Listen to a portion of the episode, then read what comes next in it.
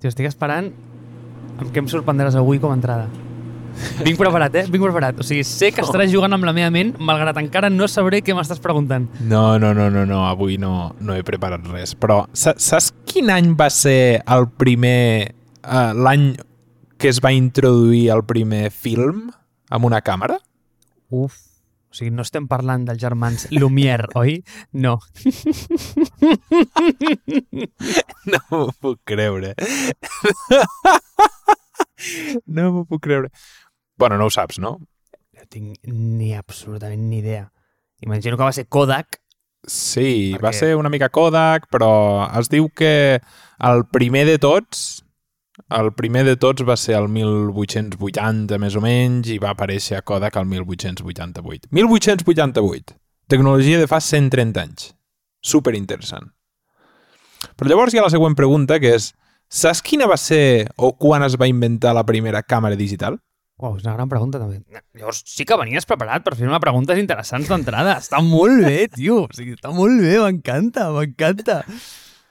Hòstia, doncs fun fact... Hòstia, mm, és que no mai ha existit a la vida primer que Kodak era de, de fa dos segles. O sigui, em sembla... O sigui, sembla brutal. Mm. Però la càmera, hòstia, dirà, dels 80. Bo. La càmera digital, la patent, 1972. I llavors apareix més o menys al 75. Almost there. Bé. Llavors, tenim una tecnologia que al 1888 surt 90 anys després es fa totalment irrellevant perquè apareixen les càmeres digitals i evidentment hi ha un període de... És a dir, és, és sempre no? la, la, la millor tecnologia d'una tecnologia que està a punt de ser disrupcionada és la millor abans de ser disrupcionada. El millor cotxe de combustió eh, serà ara quan serà disrupcionada per qualsevol altre cotxe. I el 2021 estem parlant d'una aplicació que es diu Dispo, que bàsicament porta aquesta tecnologia del 1880, la fot mainstream i aixequen 20 milions de dòlars. What? Què tal? Què et sembla? Tio, a mi em sembla que és... És que li han posat el millor nom possible. O sigui, perquè és, parla com de la naturalesa del producte, tio. És que el producte aquest és disposable, saps? O sigui, és, és com... Sí, no, no, no, no sé com dir-ho.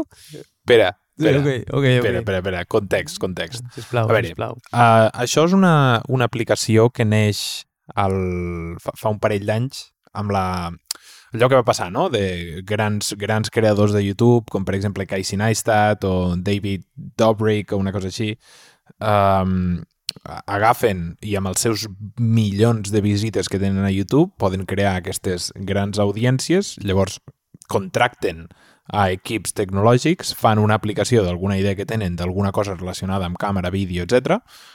aixequen una mica de diners, amb el cas del Casey Neistat va, va fer una aplicació, no sé quan va aixecar, amb el cas, de, eh, cas del David va aixecar uns 4 milions de dòlars, i mm, fan una aplicació, la llancen, i llavors tenen un ús inicial perquè tenen, tenen molta audiència. El que passa és que no tenen res de retenció, el producte és probablement una merda, volen ficar-hi aspectes socials perquè la seva xarxa connecti i llavors poder créixer la seva xarxa a dos llocs diferents i poder diversificar el negoci, etc etc.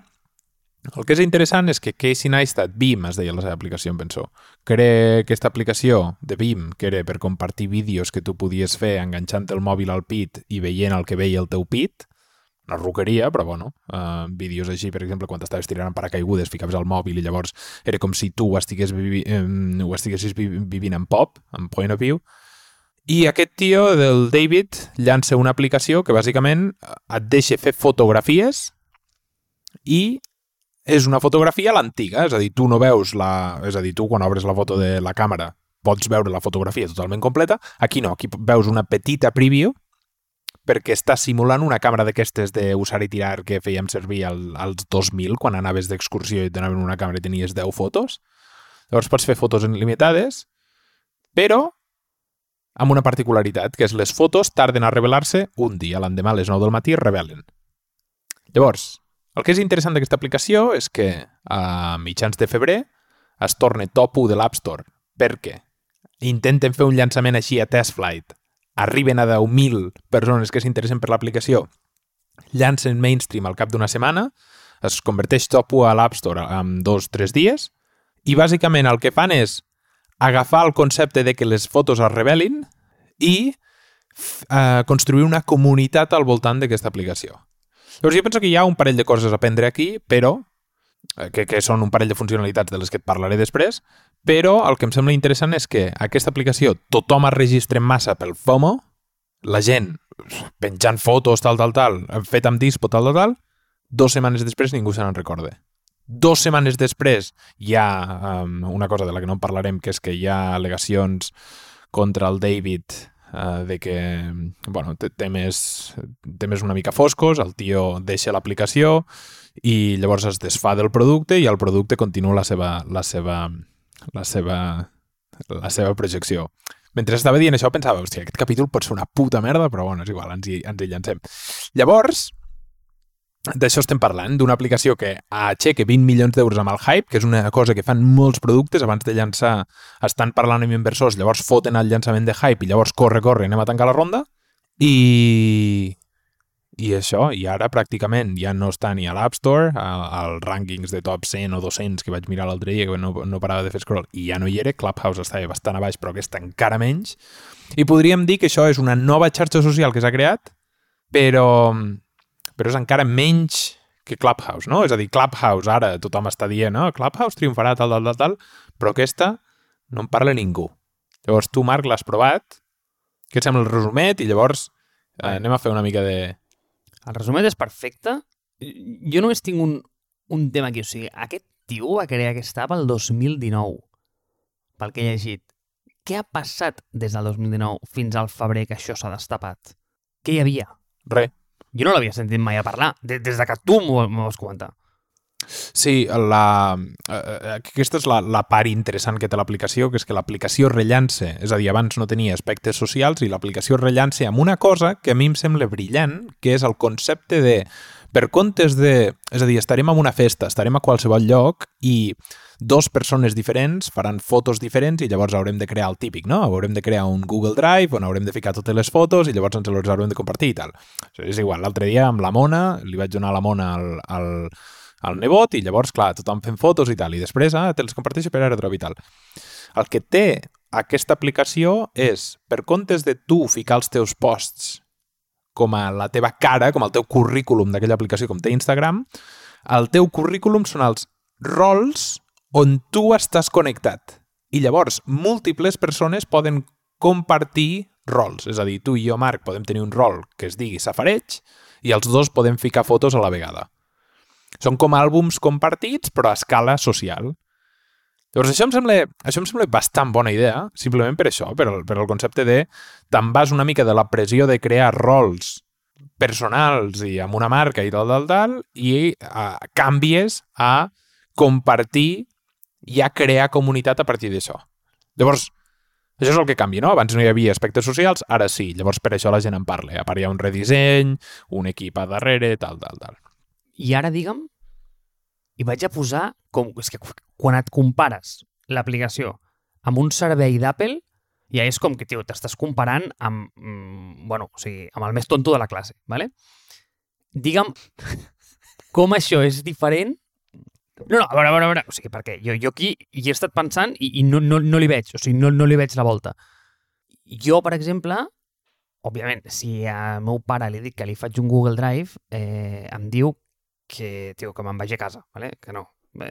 Però, en canvi, hi ha una peça tecnològica que ha entès molt bé i que li encanta i la fa servir cada dos per tres, que són els àlbums compartits de eh, Apple Photos. Explica'm com el concepte de carret és diferent que un àlbum compartit amb, una, amb Apple, amb Apple. A, a part de que jo les puc pujar en temps real, gràcies, que em sembla com, tio, perquè el dia següent ja no me'n recordaré.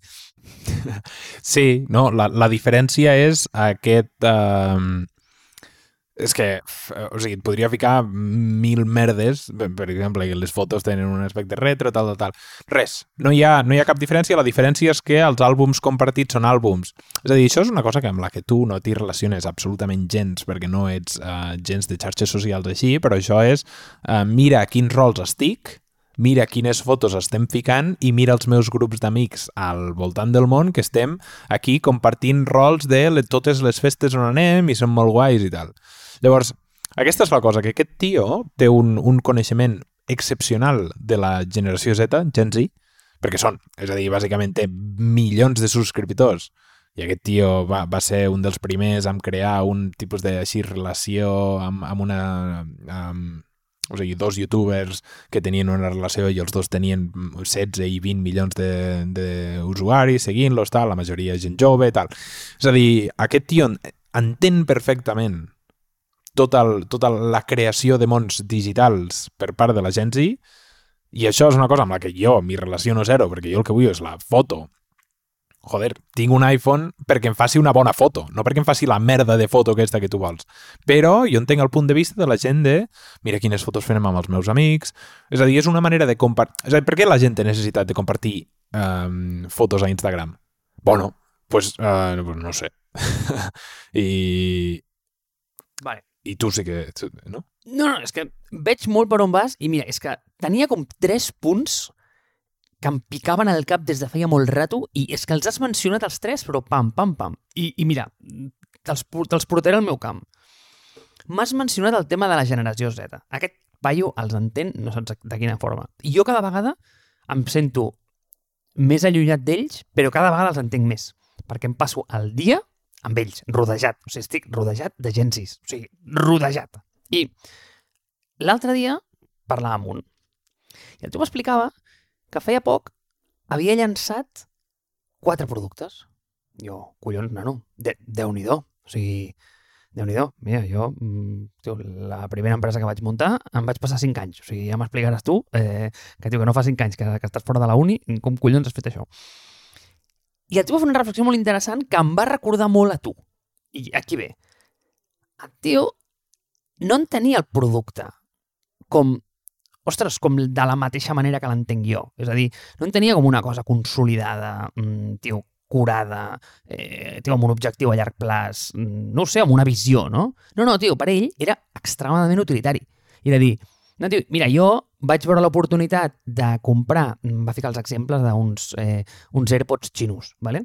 comprava aquests AirPods xinos, tal, vaig fer una promoció amb un paio que just era un influencer de no sé què, i és això. I em va recordar a la teva idea del producte efímer. O sigui, per ell un producte tio, no és una cosa cristal·lina que endura en el temps, que té una visió, tio, que, que li poses un, un amor... No, no, tio, per ell és una cosa i és una cosa dispo, saps? I és que aquesta aplicació m'ho ha ensenyat tan clar. O sigui, aquesta aplicació no està feta per què serà dintre de 5 anys, tio. Que, que, que, quina visió té aquesta aplicació dintre de 5 anys? Què és això dintre de 5 anys?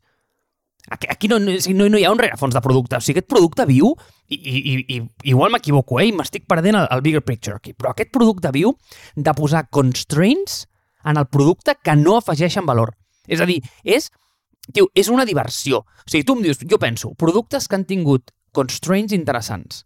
Penso, tio, Instagram, el fet de ficar les fotos quadrades va habilitar un constraint fictici, o sigui, tecnològicament no era necessari, però, tio, donava com un frame que totes les fotos eren iguals i era molt fàcil compartir-les en mobile. Vinga, penso, Pandora, el fet de que tu no poguessis fer una llista, sinó que havies d'escoltar la cançó que venia després i donar feedback, el que et permetia, tio, era tenir com aquesta ràdio super engaging que estava com realment agafant els teus gustos. I, i, un segon, eh? Igual amb Snapchat. Tio, Snapchat està posant un constraint fictici de que la foto caduca, la història, whatever, ho digui com vulguis, caduca, però això activa com un punt d'irracionalitat humana que li dona valor al producte. Però aquí, el fet de que la foto em vingui a les 9 del matí, ho sento molt. O sigui, és una autèntica merda. Eh, aquella foto la vull compartir ara i si no la comparteixo ara faré servir l'àlbum d'Apple Photos. Però, en canvi, dona aquest punt de hype que jo penso, tio, aquest producte no va enlloc, o sigui, aquest producte no té una visió de 5 anys, aquest producte no té un...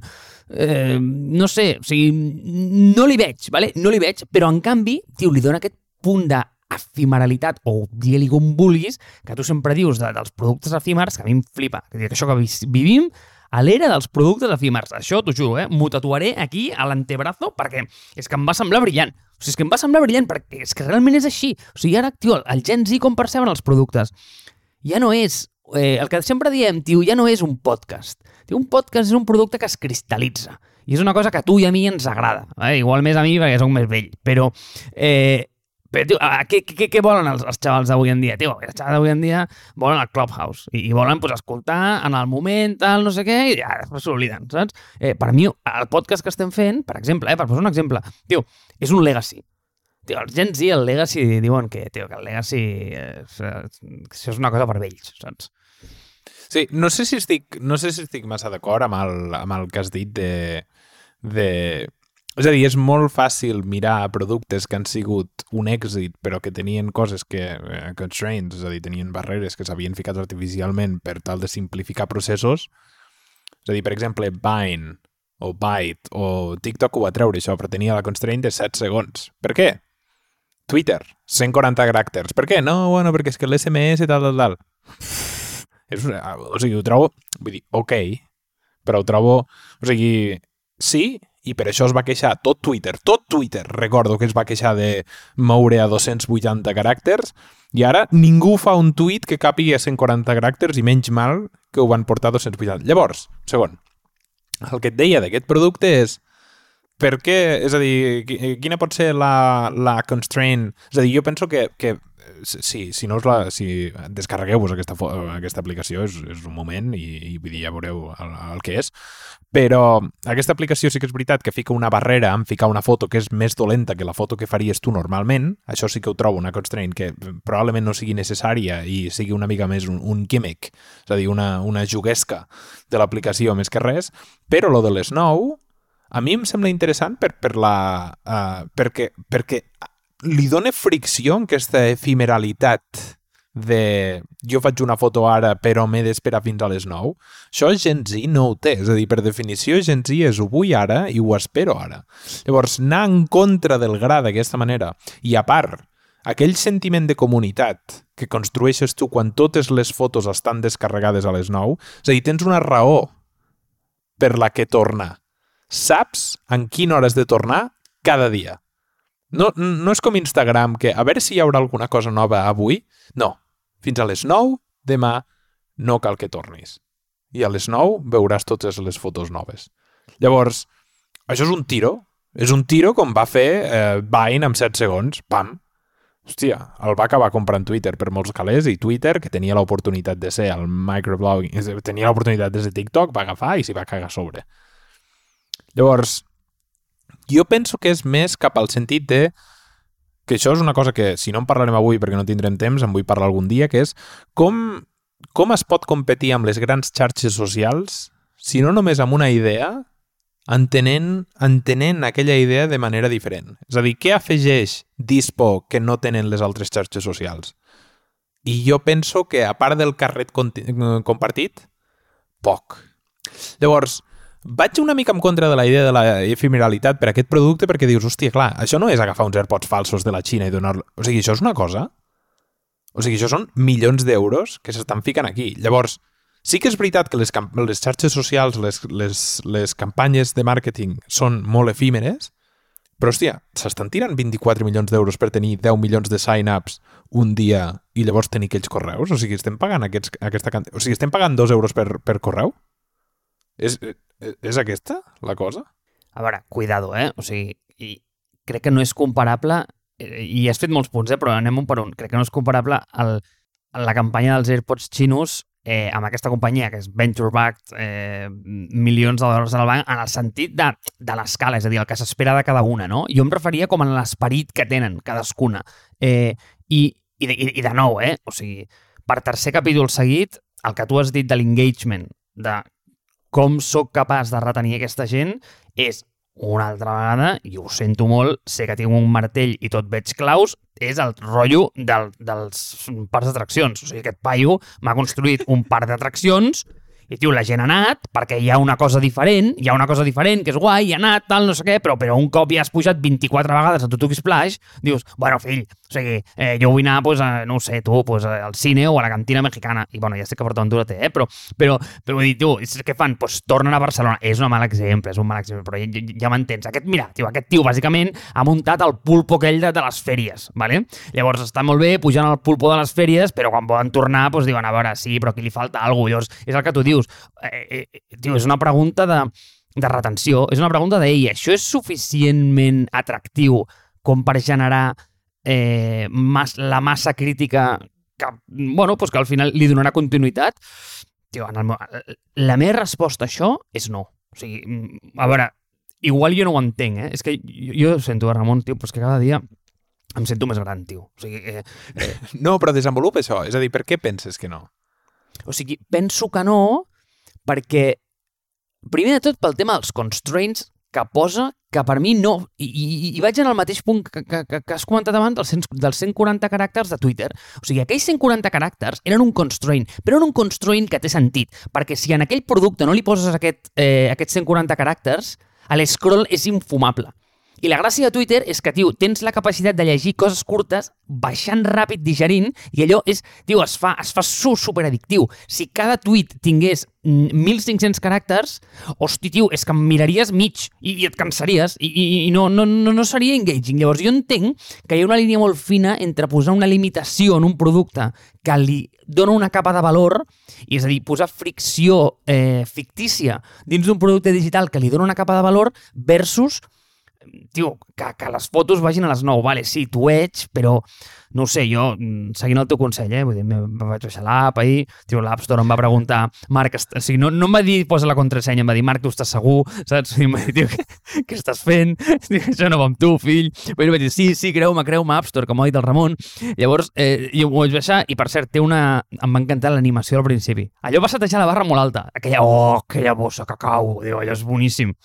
El disseny en general està Sí. molt ben fet i és, i és de fet, jo penso que la, la primera pedra cap a dissenys molt més molt més um, bueno, que combinen una mica més el, el, el 3D futurista que, de- dels anys 2000 amb un flat design que, que és, és permanent des dels anys do- 12-13 i, i ho combinen molt bé és a dir, realment ho combina molt bé i tot el tema dels roles, quan tens més d'un rol i tal, és a dir, tot això és, és, és, és bastant bonic i tot el branding està molt bé, és a dir, són dos dissenyadors boníssims, o tres dissenyadors boníssims que ho van fer i molts diners que s'han gastat. Jo, vull dir, d'aquí la conec, aquesta aplicació. Me la vaig descarregar, vaig fer cinc fotos, vaig veure que allò no era per mi i me la vaig borrar, igual que vaig fer amb Clubhouse. Però eh, és que no vull matar un... un, un bueno, és igual, no sé l'expressió, però és... Sí, però no crec que lo dels 140 caràcters fes de Twitter eh, success o no perquè al final veus Facebook que té, pots ficar bàsicament caràcters il·limitats i vull dir, no, qui, qui, què, què fa servir la gent o, o LinkedIn o el que sigui. Productes diferents, és igual, no, no cal entrar-hi. Però és... Clar, llavors, bueno, és que no, no hi ha massa més que dir sobre aquesta aplicació. És, és una aplicació... El que a mi em sembla interessant és la campanya de marc, és a dir, com estan aixecant les companyies calés ara, que és construir una campanya de, de bàsicament FOMO, construir una campanya de hype, fer que la gent en parli i fer que inversors es vulguin ficar l'últim moment a la teva ronda, fer pujar l'avaluació, està valorada amb 200, bilió, uh, 200 milions de- d'euros aquesta aplicació i, i, i a partir d'aquí petar-ho. Llavors, co- cons- aconseguirà aquesta aplicació... És a dir, jo penso que el value prop d'aquesta aplicació és, és un Instagram on les fotos no són el teu storefront, sinó que el que ho són són els teus rols i quanta gent coneixes. Ho aconseguirà petar això? Jo penso que no, i a part és molt... O sigui, no, no estem buscant a un, a un tipus de, de, de currículum diferent, sinó que estem buscant tipus de continguts diferents. Penso que Clubhouse en aquest sentit està molt millor posicionada, o TikTok fins i tot. Però tampoc crec que Clubhouse ho pugui fer, bàsicament perquè les altres estan més ben posicionades. Però jo penso que hi ha l'oportunitat de crear, amb la teva merda d'analogia, un parc d'atraccions que sigui una nova Barcelona. De veritat que sí. I, i és que t'ho compro, eh? Però és que no li veig... És que és això, si jo em pregunto, ostres, eh, quina visió de producte té això per dintre de 5 anys? Sincerament, és girar-la el més ràpid possible que algú la compri fora llaut. O sigui, no, no, no li veig... Sí, o sigui, és que no li veig com la...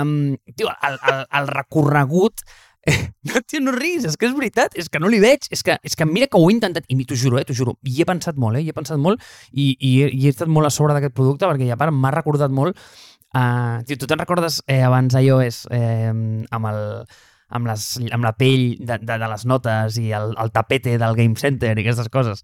És, com, tio, torna el... Eh, no sé si en català es diu així, però és skeuomorphic, saps? O sigui, torna com el, tio, aquesta analogia de la, de, de la, de la realitat en els, eh, en els productes. I això m'ha fet gràcia. Jo crec que la majoria de Gen Z no han fet servir iOS 3. Eh, bueno, encara llavors es deia Phone OS o alguna així, iPhone OS.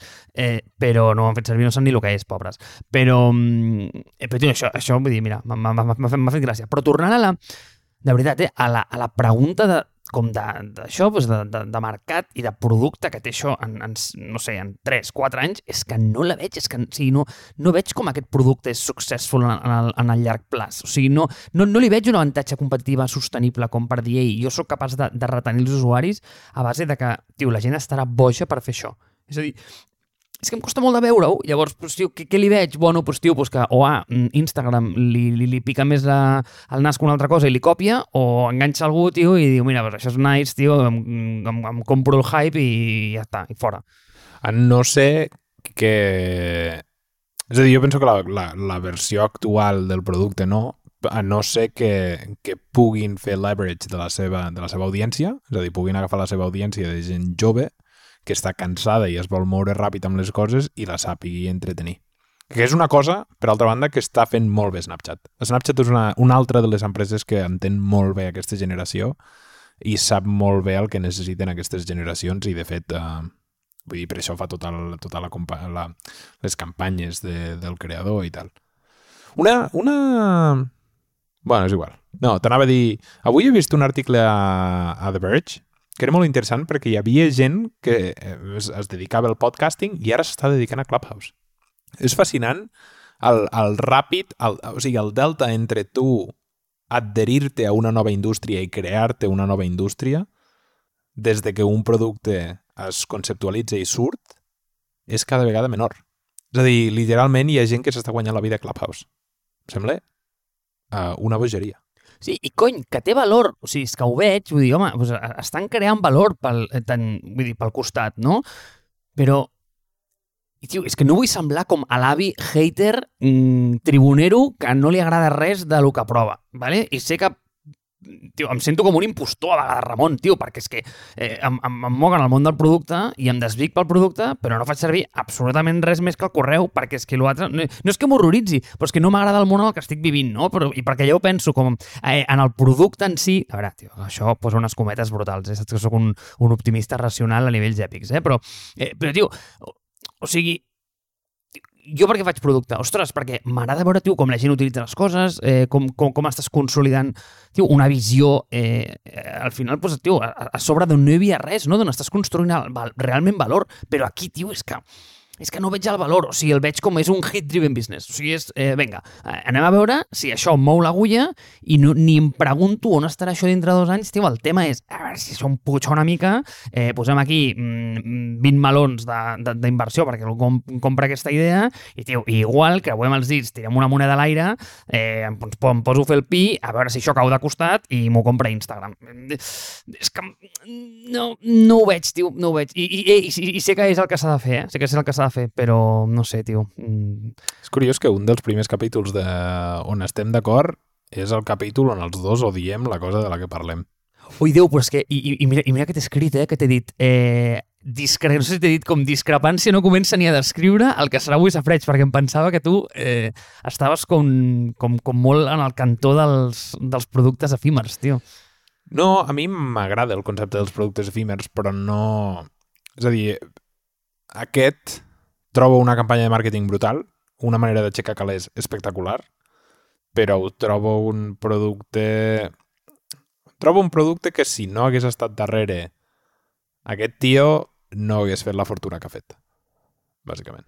I, i de nou, una altra vegada, el tema... De... No, tranquil, que no et trauré les atraccions. Et trauré el tema de, de les audiències. O sigui, al final, tenir una audiència és que, Déu meu, és tan important, i, i ara penso no amb, no, no amb el Dobrik aquest, que també un altre, però o sigui, Beast literalment et fa mm, no sé, tio, o sigui, un barret de palla i demà es posen de moda els barrets de palla.